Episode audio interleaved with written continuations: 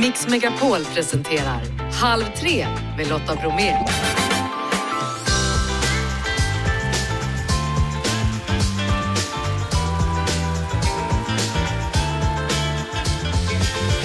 Hallå där och varmt välkomna in i Halv tre-studion i dagens måndagsmix. Nu startar jakten på nya idoler. Per Lernström berättar om det och om livefinalerna av Talang. Tommy Nilsson ska på ny turné, vi hör om den och om hur hans väg ur missbruket. Måndag betyder tips om bra poddar och idag så tipsar vi om podden Jag var där. Dagens nyhet om den 50-årige mannen som fälldes i tingsrätten men friades i hovrätten för ett övergrepp mot en 10-åring. Nätet rasar. Visste lagmännen egentligen vad en snippa är för någonting? Och allra först ska vi i dagens program prata om Hotell Romantik och håll i er med en livslevande kontaktannons. Nu kör vi! Hörrni, igår så sändes sista delen av Hotell Romantik på SVT. En realityshow som verkligen värmt tittarnas hjärtan nu i vinter och vi har fått följa ett 20-tal kärlekstörstande 65 plus singlar på ett hotell i Alperna. Och vi tittare har fått följa med på allt ifrån rådel till skogsrave till middag, dans och faktiskt intima dejter. Monica Sundberg, 73 år från Stockholm, vad var det som fick dig att söka? Ja, jag sökte egentligen inte själv utan eh, det var vänner som anmälde mig. Uh, och de tyckte att jag ändå skulle vara med på casting. Jag sa nej först. Jaha, vad var det du sa nej till? Ja, jag tänkte otäckt att vara på tv och, och sådär som man, inte var, som man var ovan vid. Men uh, de tyckte att ja, men var med på castingen och så kan du hoppa av när du vill. Så det gjorde jag och sen ju mer tiden gick så kände jag men det här det verkar jättespännande och kul och jag tycker om spännande saker och jag är lite modig så jag, det här hoppar jag på om jag blir antagen. Så på den vägen vart det. Hade du kunnat ana hur det skulle bli och vilka känslor som skulle komma fram? Nej, inte så här efteråt. Jag tänkte att det kanske blir så att folk känner igen lite grann men allt det här som har dykt upp och alla allt annat som händer. Det är helt fantastiskt. Jag bara rider på vågen och tycker det är jättekul. Full med endorfiner är jag. Ja, alltså du och Roger med två O äh, fattade tycke för varandra tidigt ja. då. och vi tittare tyckte också att ni verkade som gjorda för varandra och då var det fjärilar i magen på riktigt. Ja, på, ganska på riktigt i alla fall. Ja, ja. absolut. Där och då var det så, absolut. Och ni vågade ju också då bjuda på er själva med nakenbad i vattenfall och allt. Ja, modig var man. Ja, jag träffade mig själv. Men blir man modigare med åldern? Är det så ja, det, det blir man. Ja. Och jag blev modigare där också. Där kände jag mig trygg med Roger och så kände jag mig trygg med filmteamen som var så proffsiga och fick en att slappna av. Så vi gjorde ju ingenting eh, om vi inte behövde, liksom, eller ville. Nej. Så de frågade ju, liksom, vill ni göra det här? Och jag, ja, vi gick på allting. Nu säger jag till dig som lyssnar då, nu får du hålla för öronen om du inte har sett det sista hotellromantikavsnittet och inte vill få en spoiler. Så, då har du stängt av, säg till när du kan sätta på. Eh, vad hände med kärleken mellan dig och, och Roger när ni kom hem? Ja, det blir ju helt annat när man kommer hem. Eh, och vi upptäckte väl båda två att inte det var någonting att bygga på. Vi var alldeles för olika och vi hade olika bakgrunder och sådär. Så eh, vi träffades två gånger med ungefär sex dagar sammanlagt. Men sen så bestämde vi liksom att det här funkar inte. Och, eh, men jag vill ändå ge det en chans och tänkte att jag måste prata om det här mellan fyra ögon, men tiden gick eh, och eh, det gick en och en halv månad. Vi pratade per telefon, men jag vill inte säga vad jag kände då. Så vi sågs efter en och en halv månad, men då hade han redan gått ut med till gruppen och mm. ja, produktionen att nej, men, jag eh, har brutit upp. Men det har jag också, men jag har inte hintat att prata. Kan vi inte prata först, tycker jag, tyckte jag. Mm. Det var viktigt för mig. Men vi är olika, han valde att göra så. Så valde han ja. och så valde inte du. Nej. Men du har fått flera uppdrag då efter din medverkan. Eh, något kanske just då tack vare ditt modiga vattenfallsbad här. Du, du ska bli ja. underklädesmodell. Ja, men det, det hade jag i fredags så gjorde jag lite modelljobb. Ja, hur för. kändes det? Ja, men det kändes ju helt okej okay efter det man hade gjort innan. Ja. Så det var, det var jättetrevligt, kul. Jaha, grattis till det. Ja, tack, tack. och sen vet jag att även om det inte funkade då mellan dig och Roger efter programmet så var det något annat, eller någon annan du fann, Annika. Ja. Och ni har nu startat en Youtube-kanal om livet ihop. Livet efter 65, ja, ja. jättekul. Va, vad är det som människor som är över 65 behöver veta tycker du? Ja, livet. att man kan ha så trevligt och roligt eh, i den åldern eh, och att man, det, att man måste vara öppen för att kunna hitta en ny kärlek också och, och våga göra saker. Så hur ser du på kärlek nu? Är du sugen på att dejta trots allt? Ja. ja. Ska vi göra en kontaktannons då? Varsågod. Hur lyder den? Du får formulera. Nej, alltså jag behöver egentligen inte göra det. Det kommer folk i alla fall, eller? men, men, men om någon nu är sugen som hör, Ja, kan jag, kan jag säga att de kan höra av sig i så fall? eh, ja, det, ja det, jag vet inte. Nej, du bestämmer. Ja, ja, men eh, okej, kanske. Ja, okej. Lotta snabel mixmegapol.se skriver man till då i så fall, så förmedlar Okej. vi till dig. Är det något man behöver veta om dig? Eh, ja, men alltså om, jag, om du frågar hur en man ska vara så måste han ju vara liksom ändå trevlig och attraktiv och lite sportig och han ska kunna lyssna och han ska kunna prata och eh, ge motfrågor och eh, ja, ordning och reda och liksom, ja, charmig, ha något extra. Sådär ja.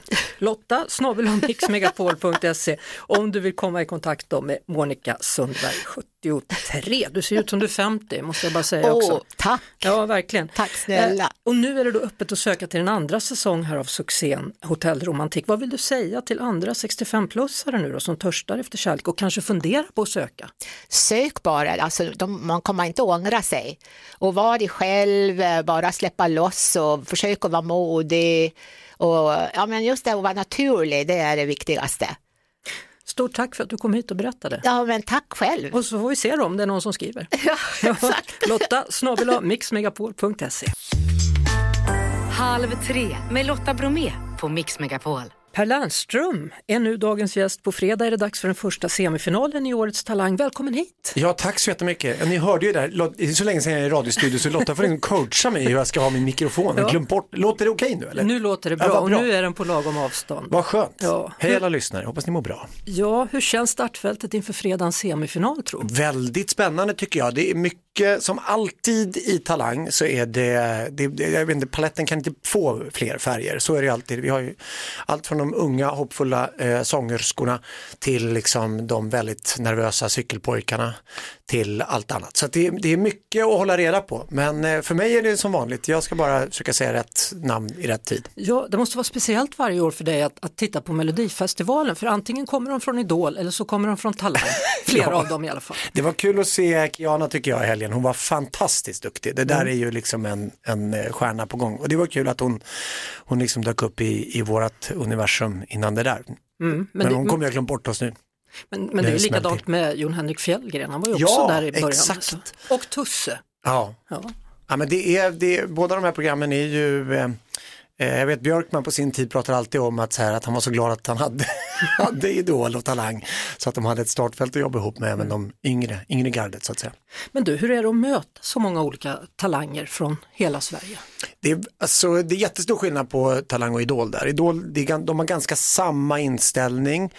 Ehm, där kommer man in och liksom tänker att så här, om jag ska göra det här, jag ska göra på det sättet, men, men ramen är någorlunda likadan. I Talang är det ju jätteolika.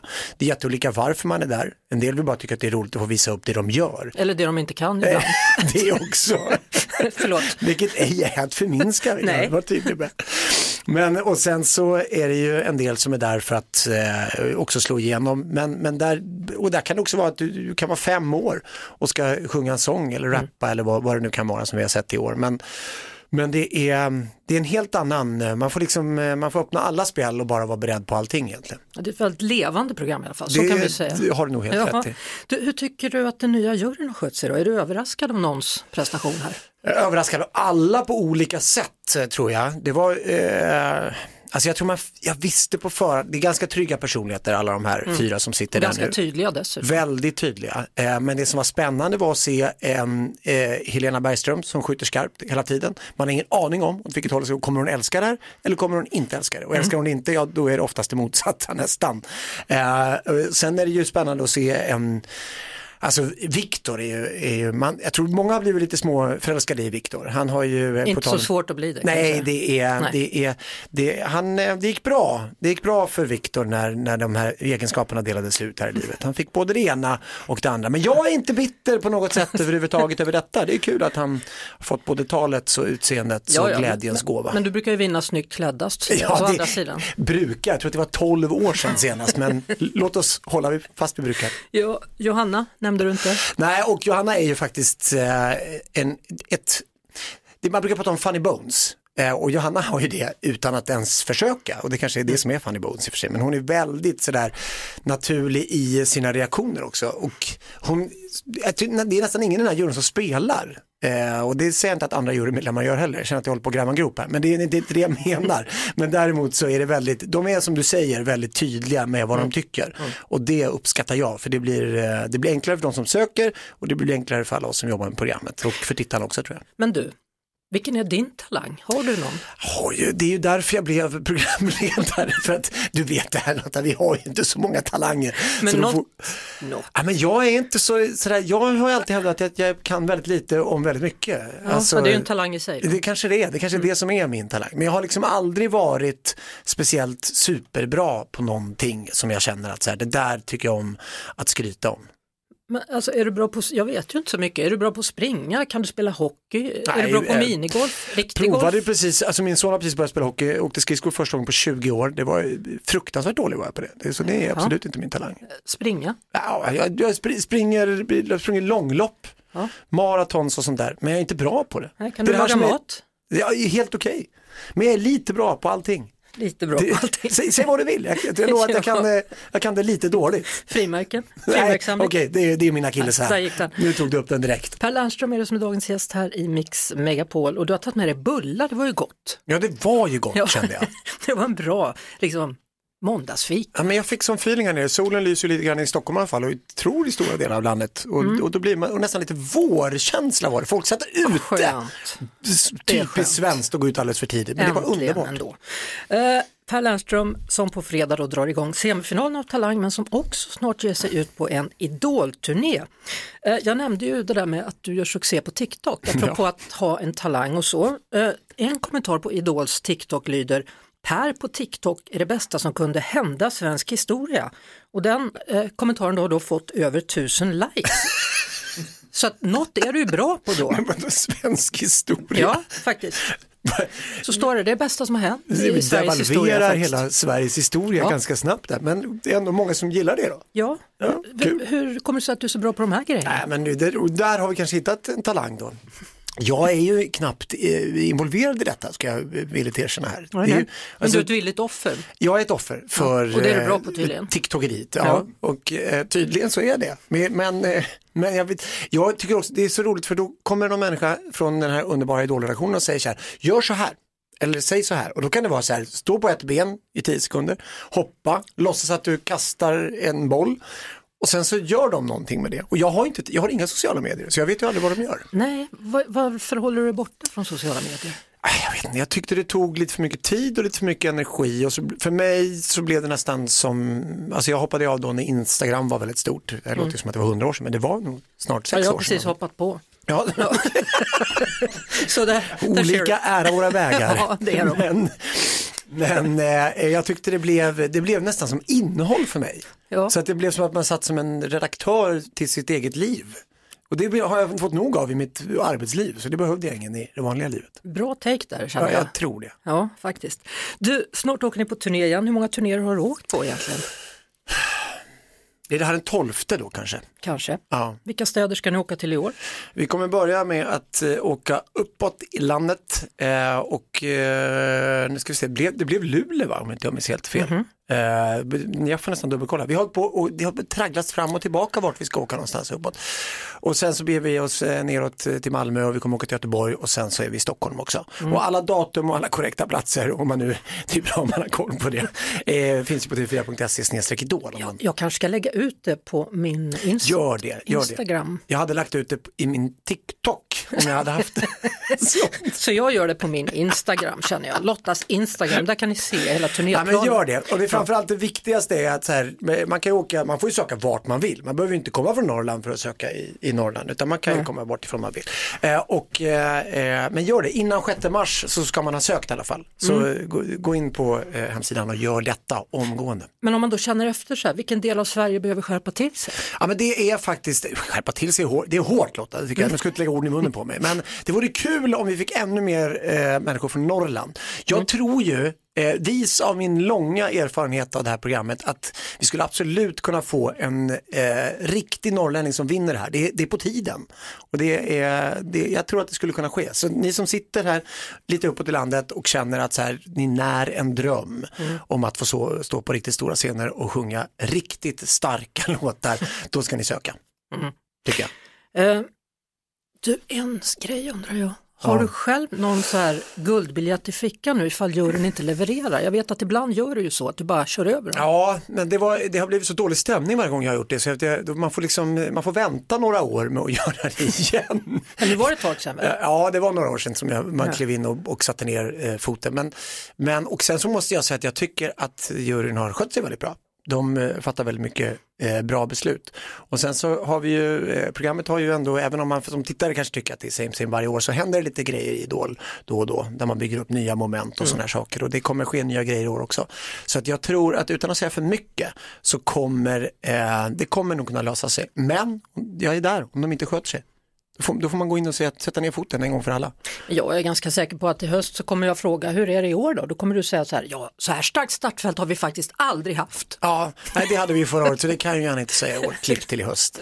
Nej, det, det är, ja men man är ju i det, men, men jag, jag har ju sagt det i 11 år och det har ju varit sant i 11 år. Det är det som är så sjukt. Du borde göra en meme på det faktiskt, varje år bara så här, här kommer han igen och så är det så Ja, och, och så gör det jag är helt övertygad om att någon har gjort det många På gånger. TikTok faktiskt. Ja, 100 procent. Ja, man kan tänka sig det. Du har nu en bra turné och lycka till på fredag, både med Talang då, så småningom också då idol -turné. Tack så jättemycket. Tack för att du kom hit Per Lernström. Ja, tack, tack. Kanalen är Mix Megapol och det är Tommy Nilsson som är dagens gäst. Du, nu är det mellotider. Hur, hur minns du ditt, eller dina melloäventyr? Det var ganska roligt ändå ju. Eh, Om jag tar det första då, 89, då jag faktiskt fick vinna.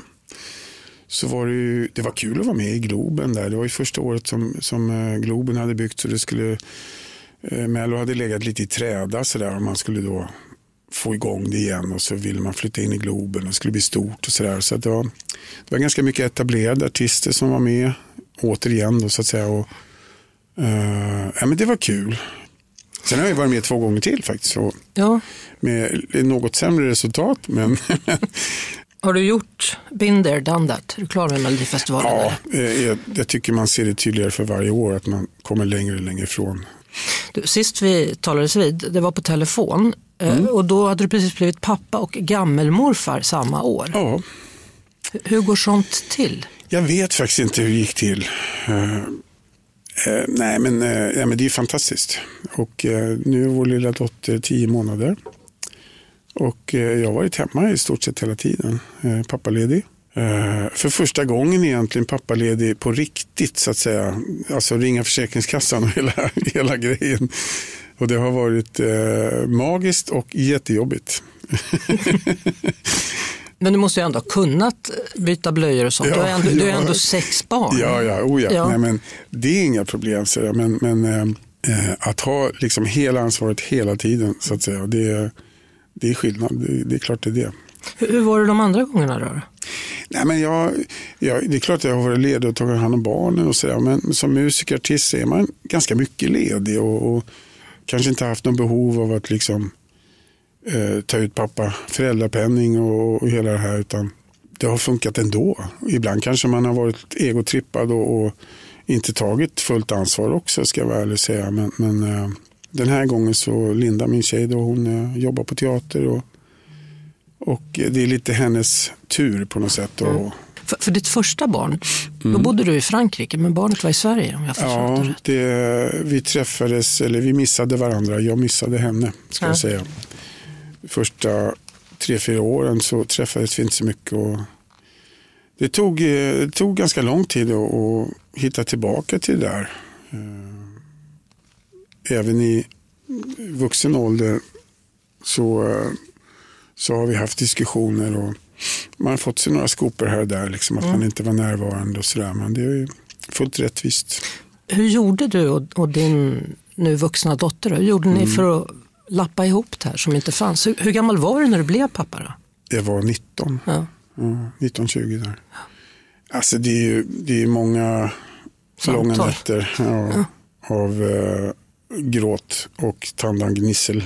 Eh, eh, och eh, självrannsakan. Och, och sen också verkligen bestämma att nej, nu måste vi gå vidare. Liksom. Men, men framförallt att lyssna och försöka att eh, förstå vad, vad förlusten har varit liksom för henne och hur det har varit för henne. Sådär. Och det är inte alltid lätt. Det är det inte. Vi är mitt uppe i ett samtal med just Tommy Nilsson som är dagens gäst. Bland annat då om betydelsen av hans nuvarande kärlek, musikalstjärnan Linda Olsson. Hon har betytt jättemycket. Vi träffades för, om det är 12 år sedan nu tror jag var. 13, hon får stryk när jag kom hem. Men, nej, men jag var ganska, ganska trasig när vi träffades. Och, eh, gått igenom en skilsmässa. Och, jag visste väl inte riktigt vad jag skulle göra med karriär och sådär heller. Det var lite, nej, det var lite, jag var lite vilsen då. Och, eh, så hon dansade in där och, eh, med, med en eh, otrolig positiv energi och kraft och, och eh, rensa, jag, var, jag var tvungen att rensa upp helt enkelt.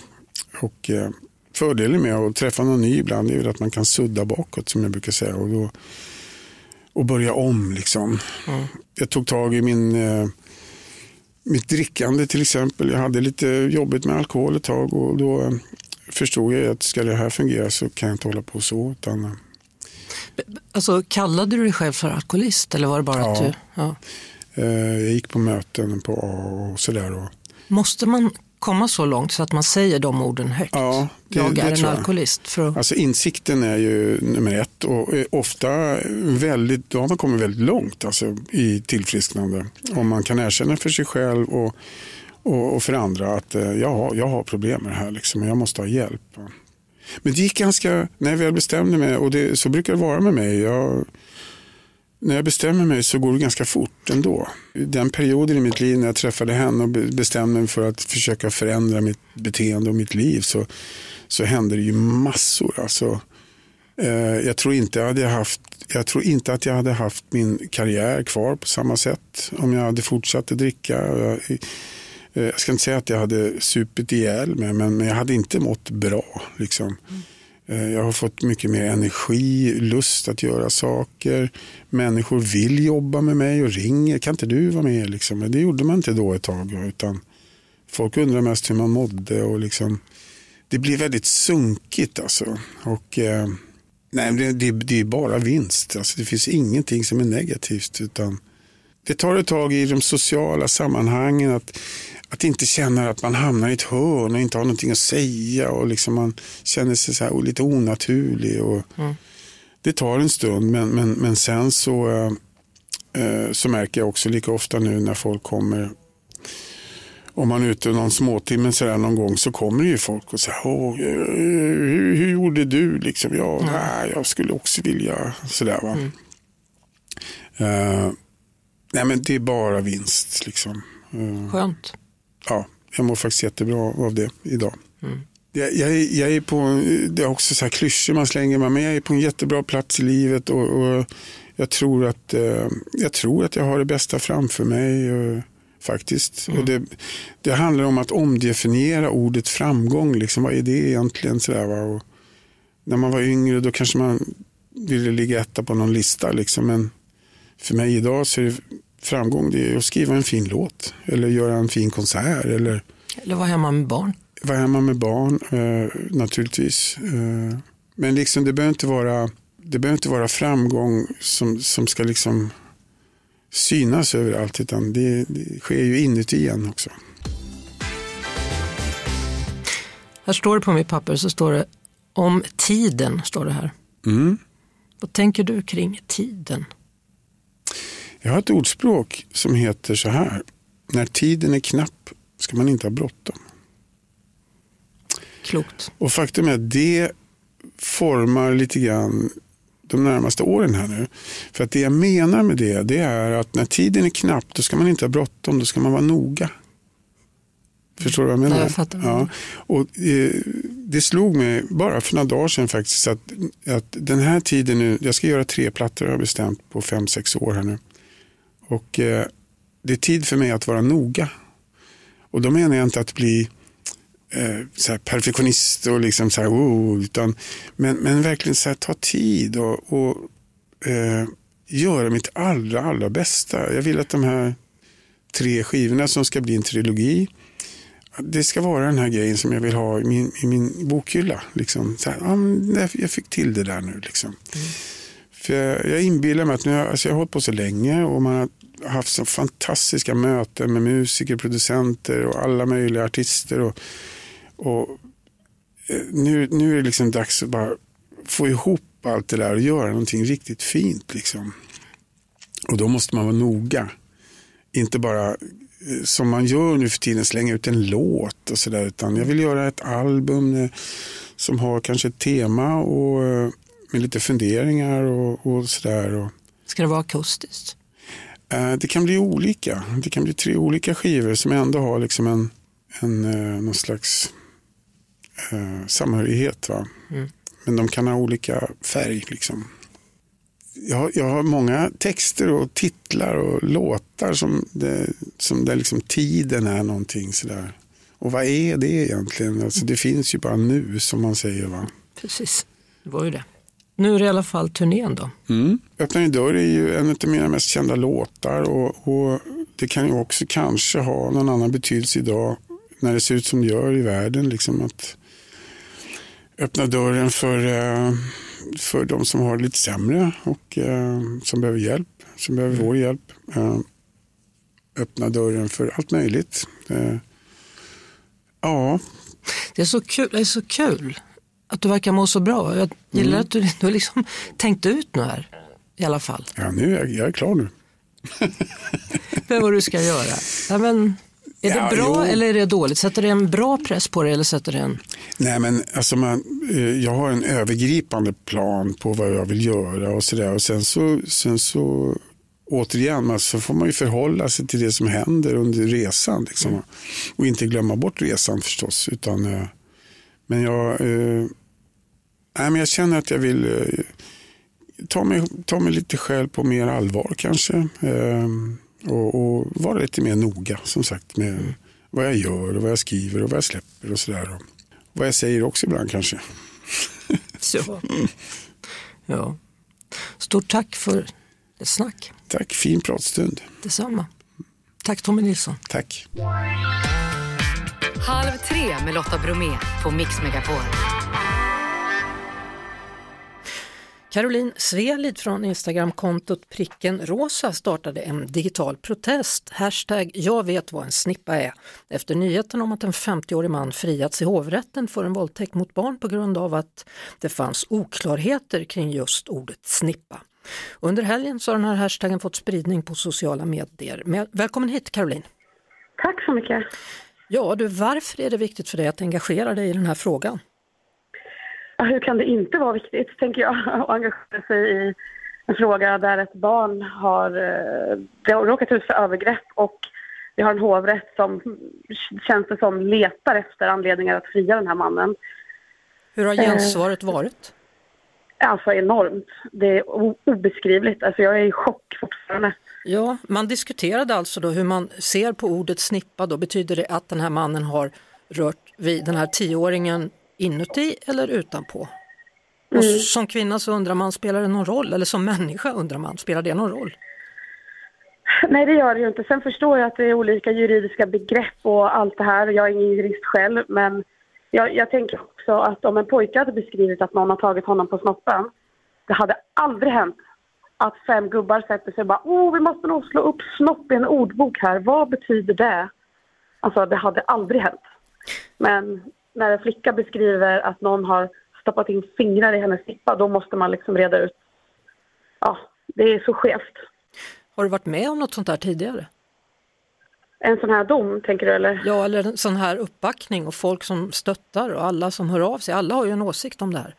Ja, nej gud, alltså det här har enat Alltså det, jag har lyft grejer innan och det är klart att det finns ett enormt stöd hos människor. Mänskligheten är ju fantastiskt godhjärtad i grund och botten men det här är ju, jag har aldrig någonsin haft så här stor spridning på någonting och det tror jag inte jag kommer ha heller framöver. Nej, man kan ju hoppas på det i alla fall faktiskt, för ja. det är tråkigt att det ens ska behövas då. Men det har tydligen spridit sig till Danmark nu också. Där har man också börjat engagera sig och undra vad vi håller på med i Sverige.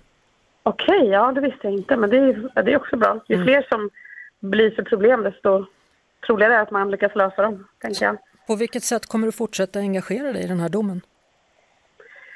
Oj, alltså jag måste ju för, för det första lämna ifrån mig liksom arbetet med det till de som har kompetens att göra det. Jag vill mer liksom belysa, framförallt stötta flickan och flickans familj att vi är så många som tycker att det här är fel eh, och att de har stöd i det. Eh, och sen bara hoppas att man kan göra så, så bra som möjligt för så många som möjligt av det här. Stort tack Caroline Selid för att du ville vara med och hashtaggen heter alltså Jag vet vad en snippa är. Halv tre med Lotta Bromé på Mix Megapol. Och vi ska fortsätta att prata om domen som revs upp i hovrätten om en man i 50-årsåldern alltså som nu friats på grund av oklarheter kring ordet snippa. Tidigare överåklagare Sven-Erik Alhem är kritisk till att domen rivits upp. Sven-Erik Alhem, välkommen till Halv tre. Tack så mycket. Ja du, varför rivs den här domen egentligen upp? Ja, det är lite svårförståeligt tycker jag därför att den unga flickan som är tio år gammal har ju berättat ganska tydligt vad hon är utsatt för. Och eh, sen har det då lett till att man, enligt min uppfattning, så har man på något sätt överanalyserat eh, den unga flickans berättelse och till och med anlitat en ordbok för att se vad snippa betyder och så. Och eh, jag tycker det känns eh, ungefär som att flickans berättelse har inte beaktat tillräckligt. Man har inte lyssnat på barnet tillräckligt. Och det känns väldigt främmande för mig att man inte gör det. Då pratar vi om ordet snippa då i det här fallet. Är det vanligt att man hänger upp sig på enskilda ord? Nej, jag har inte varit med om det någon gång vad jag kan erinra mig i varje fall. Sen är det också en annan sak som i min analys har gjort mig väldigt eh, ledsen egentligen och det är att hovrätten skriver ju att eh, trots att det finns en gärningsbeskrivning som kan ifrågasättas om den täcker in även annat brott, ett med samlag jämförbart beteende som det skulle vara om man tolkade flickan på det sätt som jag tycker känns rimligt, så skriver hovrätten att eh, åklagaren har inte yrkat ansvar för något annat brott.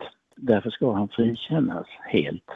Och eh, hade man nu fått till stånd, vilket jag hoppas innerligt, att riksåklagaren överklagar till Högsta domstolen och om det skulle lyckas så att man får prövningstillstånd där, då kommer ju målet upp i en helt ny dager igen.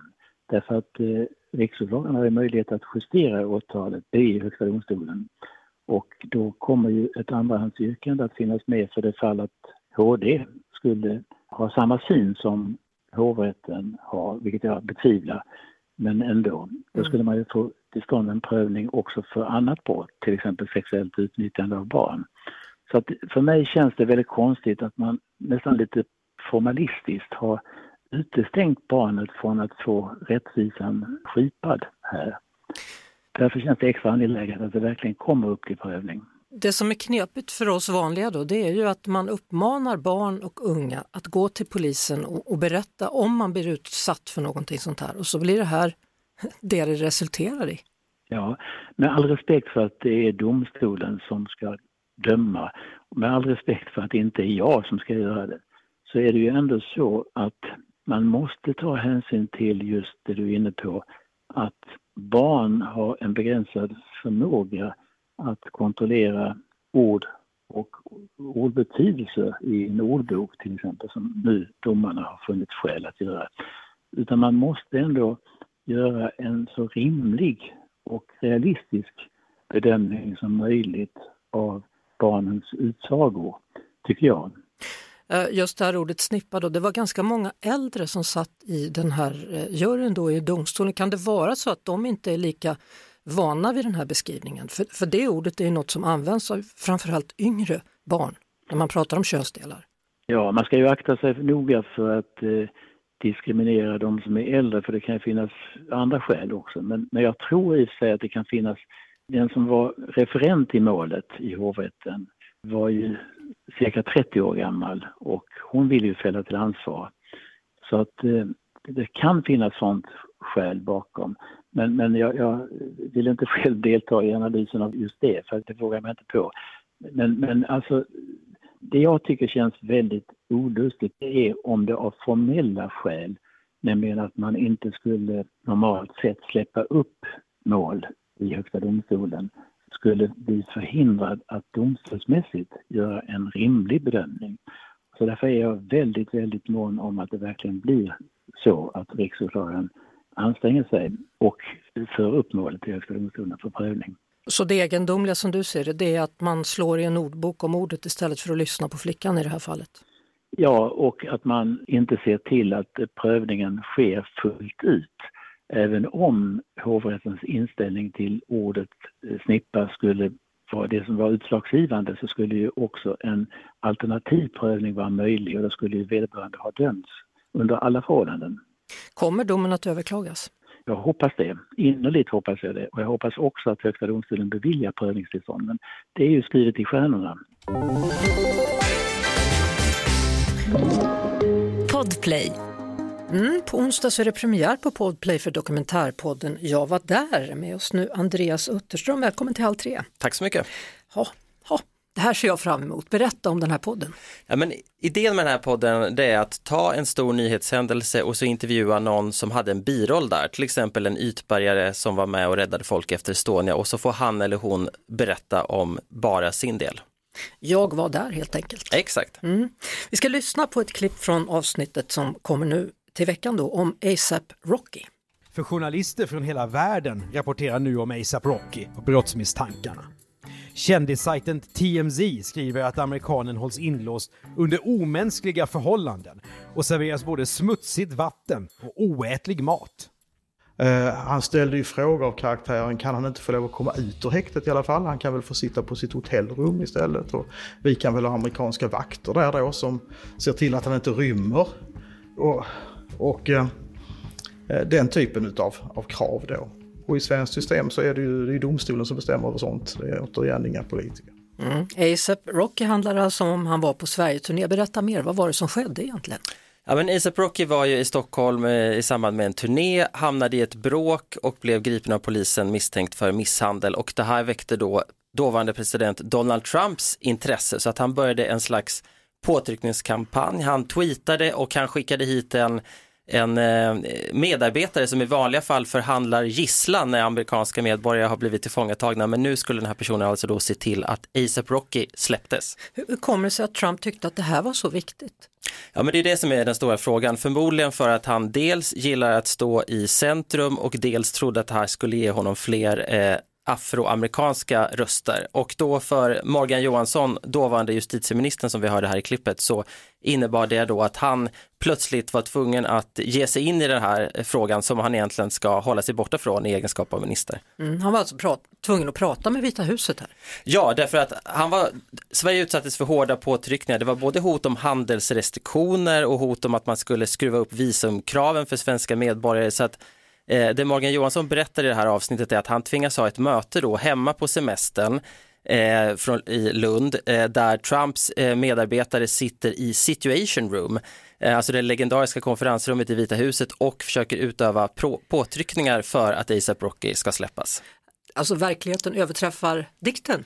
Ja men det får man verkligen säga och det här är ju ett, ett eh, perfekt jag var där avsnitt på så sätt att man, man känner till den här historien väl om man läste tidningarna när det här begav sig, men det här specifika mötet vet man inte så mycket om och det var väldigt kul att träffa Morgan Johansson och höra honom berätta om hur absurt det här var och ja, närmast surrealistiskt där han kunde se det hela utifrån och tänka, händer verkligen det här? Mm. Och ASAP Rocky då, han kommer ju så småningom här nu då att bli tvåbarnsfar eftersom han är tillsammans med Rihanna. De har fött ett barn och ett är på väg. Hur gick det med honom sen då?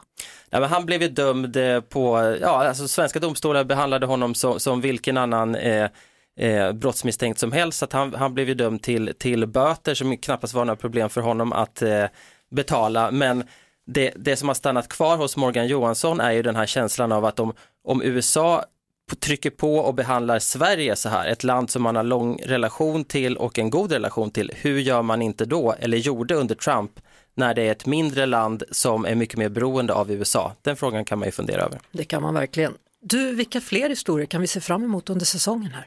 Ja men det, det, är högt och lågt, det är allting från eh, vad som brukar beskrivas som ett sånt här haveri till biståndsprojekt i Bai Bang i, i Vietnam till en sjöräddare som berättar om eh, vad som hände efter eh, Scandinavian Star. Så att vi blandar högt och lågt som vi alltid gör med den gemensamma faktorn att någon som hade en biroll eh, berättar sin historia. Mm. Till och med Zlatans staty får ett eget avsnitt. Ja absolut, för det var också otroligt eh, uppmärksammat väldigt, väldigt eh, mycket media om det där under en period och sen har, har det liksom fallit i glömska men där har vi gått tillbaka och intervjuat konstnären som ju inte är någon, någon sportdåre och har väldigt svårt att förstå hur folk kunde bli så arga på hans staty att de sågade av Zlatans näsa och eh, spottade på hans fina staty som han hade ägnat två år åt att eh, göra. Mm.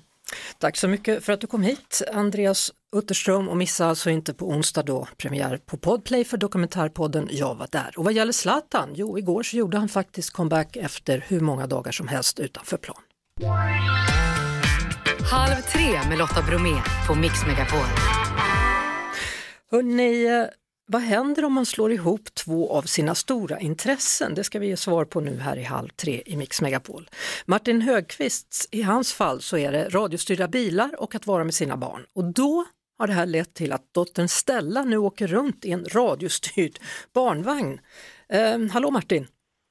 Hej! Hej du, hur kom du på den här idén?